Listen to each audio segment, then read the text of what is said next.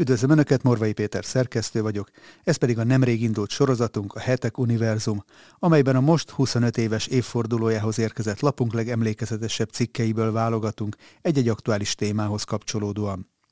A hetek megalakulása óta figyelemmel kíséri a kereszténység legizgalmasabb, aktuális kérdéseivel kapcsolatos vitákat, értelmezéseket. Az egyik ilyen téma a korszakváltással kapcsolatos előrejelzések története, amelyről az ezredforduló előtti évben jelent meg egy máig emlékezetes sorozat.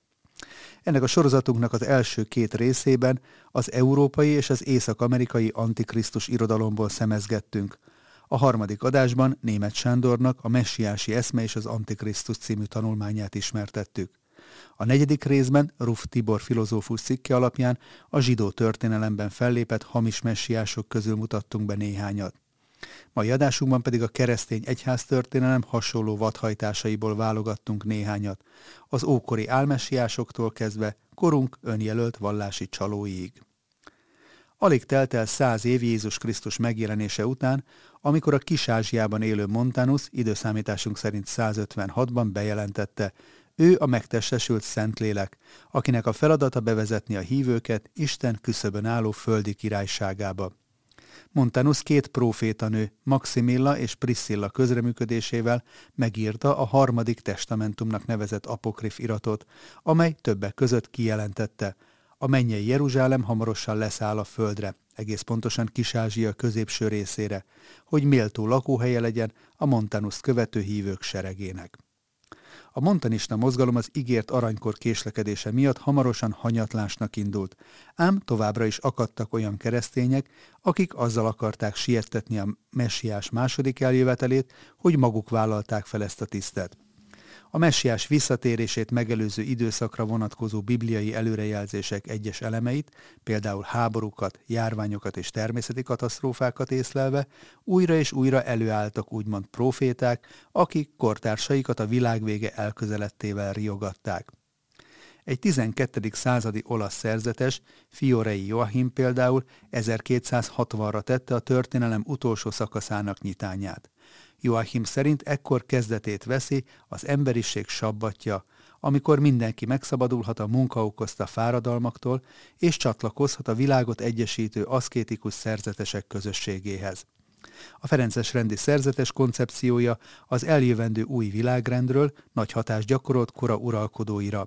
Hatodik Henrik császár és oroszlán szívű Richard a harmadik keresztes hadjárat előtt Joachimot kérdezték meg a háború várható kimeneteléről, aki bátorította őket, hogy úgymond a muszlimok és a zsidók szétzúzása a végső csata első szakaszát jelenti, amelynek tetőpontja magának a gonoszság fejedelmének a leverése lesz, ezt ígérte legalábbis Joachim.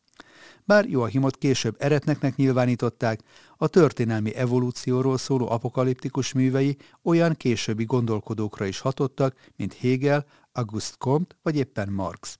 Sőt, 1501-ben maga Kolumbusz Kristóf jelentette ki, hogy valójában ő a Joachim által megjövendölt messiás.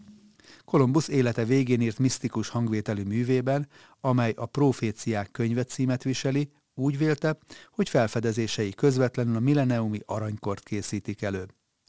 A hamis messianisztikus elhivatottság újabb fénykora a 19. század közepén érkezett el. Egy Joseph Smith nevű amerikai farmer 1827-ben azzal a váratlan bejelentéssel állt elő, hogy egy angyal látogatta meg éjszaka.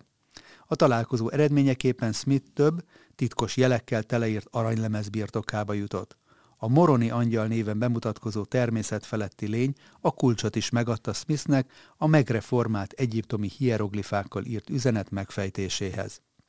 A Mormon könyvének keresztelt szöveget állítólag több ezer éve írták, bár legnagyobb része vélhetően a King James féle angol biblia fordításból került átmásolásra, a nyomdahibákkal együtt. Smith hamarosan újabb látogatót fogadhatott. Ezúttal keresztelő János jelent meg neki, aki ünnepélyesen beiktatta őt, úgymond a Melkizédek szerinti papságba. A főpappá előlépett Smith ezt követően egyházalapításba kezdett. A sorozatos törvénysértések miatt a mormonokat több amerikai szövetségi államból kitiltották, és 1844-ben Smith maga is gyilkosság áldozata lett, míg a közösség végül a nagy sós tavak menti prérin telepedett le. A kultusz, hivatalos elnevezéssel Jézus Krisztus utolsó napok szentjeinek egyháza, az alapító példáját követve elfogadhatónak tartotta a poligámiát. Joseph Smith erre is egy látog- látomásban kapott eligazítást. Ezt követően nem kevesebb, mint 50 nőt vett feleségül, míg utódja Brigham Young 27 asszonytól 56 gyermeket nemzett. Míg Joseph Smith látomások segítségével fejtette meg a második visszajövetel kérdését, egy penszilvániai üzletember, Charles Russell, keleti számmisztika felhasználásával jutott el a rejtély megoldására. Az úr visszajövetelének célja és módja című füzetében Russell kiszámította, hogy ez az esemény 1874-ben fog bekövetkezni. Ebben az évben úgymond a messiás megjelenik Russellnek és a kiválasztottak egy csoportjának. Az időpont elmúltával a szerző a dátumot 40 évvel megtoldva 1914-re módosította, hozzátéve, hogy Jézus Krisztus megjelenése szellemi szinten, azaz láthatatlanul fog megtörténni. Russell eszkatológikus mozgalmából jött létre a 144 ezer kiválasztott szent megmenekülését hirdető Jehova tanúi felekezet, amely túlélte nem csak az 1914-es, hanem az 1925-re és az 1975-re előrejelzett világvégét is. A kultusz ma több mint száz országban hirdeti rendületlenül apokaliptikus tanait, amelyeknek világszerte 4,5 millió követője van. Az egyház történelem legtöbb messiás jelöltjét kétség kívül a 1990-es évtizedekben sikerült felmutatnia.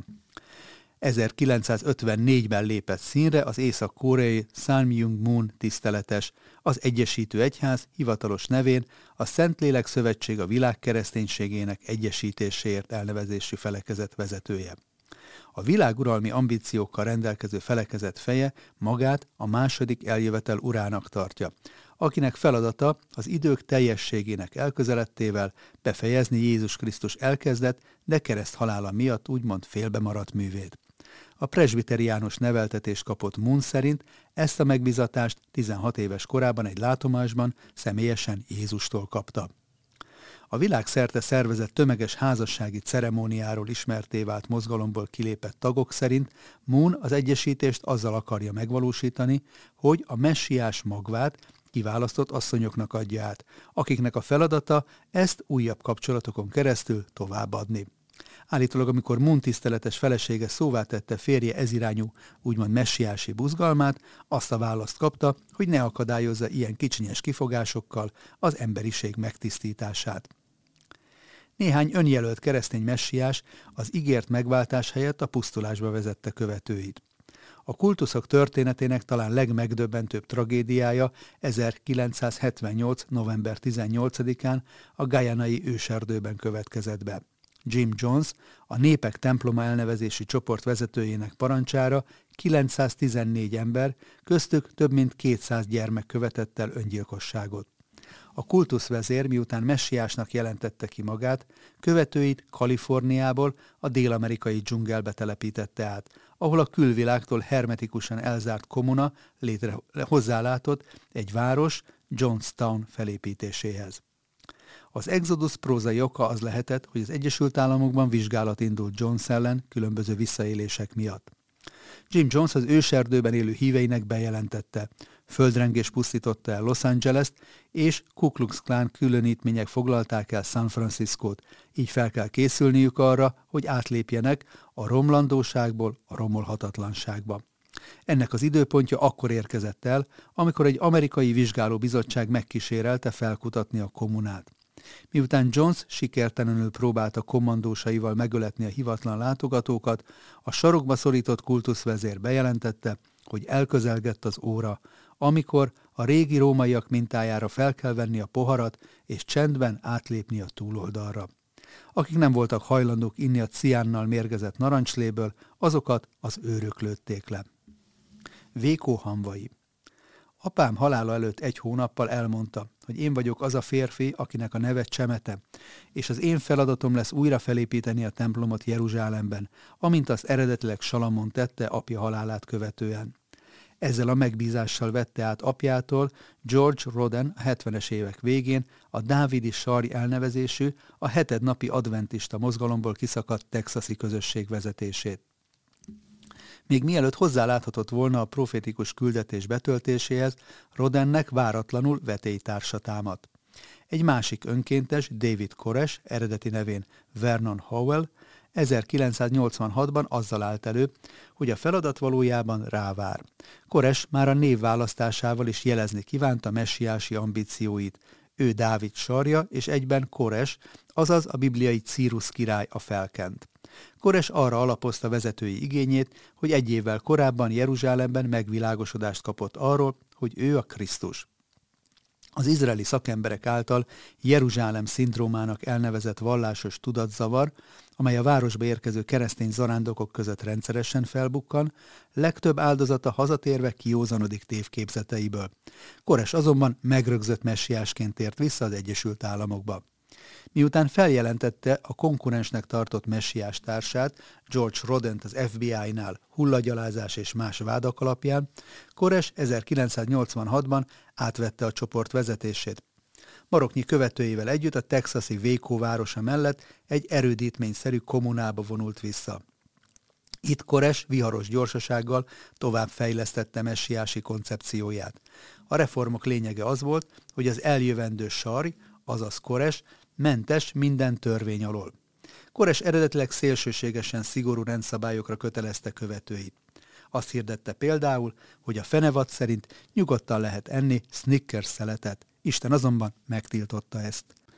A Kármelhegy nevére keresztelt főhadiszállás falai mögött azonban Kores előbb új keletű dohányzási szenvedélyét ideologizálta meg azzal, hogy a 18. Zsoltár szavai szerint Istennek is füst szállt fel az orrából, tehát a Malboro cigaretták élvezete szent cselekedet.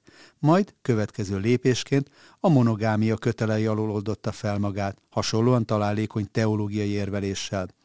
Mivel a tökéletes állapot úgyis csak a mennyben valósul meg, a földön nincs is értelme az egyetlen igazi társat keresni. Sokkal jobb esélyt nyújt a nagyszámok törvénye alapján történő választás. Így Kores először két ágyast vett maga mellé a fiatalabb kultusztagok közül, majd ezt a kört kibővítette a biblikusabbnak tartott tizenkettőre. Mivel egyre több visszaélésről érkezett hír a kommunából, 1993-ban az amerikai hatóságok 51 napos ostrom alá vették a gyilkossággal, gyermekek szexuális zaklatásával és más bűncselekmények elkövetésével vádolt kultusz vezér főhadiszállását. Hetekig tartott a pszichológiai háború az FBI különleges osztagai és az elbarikádozott Kármel-hegyiek között, míg végül a rendőri roham alatt tisztázatlan körülmények között tűzvész tölt ki a telepen, amelyben Kores és 82 követője pusztult el. 1998 szomorú szenzációját a kaliforniai mennyei kapu mozgalom tragédiája szolgáltatta. Az UFO szektaként elhíresült csoport 39 tagja 1997 tavaszán követett el csoportos öngyilkosságot, hogy így meneküljenek el a megsemmisülés előálló földről. A búcsúlevelek tanúsága szerint az ezoterikus kultusz tagjai, a Csillagok háborúja, a Star Trek és az x című filmek alapján készültek fel arra, hogy a Hale-Bopp üstökös nyomán érkező UFO-val a Plutó bolygón található űrbázisra utazzanak. A csoport vezetője, Marshall Applewhite meditációs technikák révén az úgymond idegenektől kapott üzeneteket továbbította. Applewhite vallásos családból származott, presbiteriánus lelkész apja egyházi iskolába iratta. Ennek elvégzése után 1970-ig a Houstoni Szent Tamás Katolikus Egyetem zene professzora volt. Magánélete azonban már ekkor is zaklatottan alakult.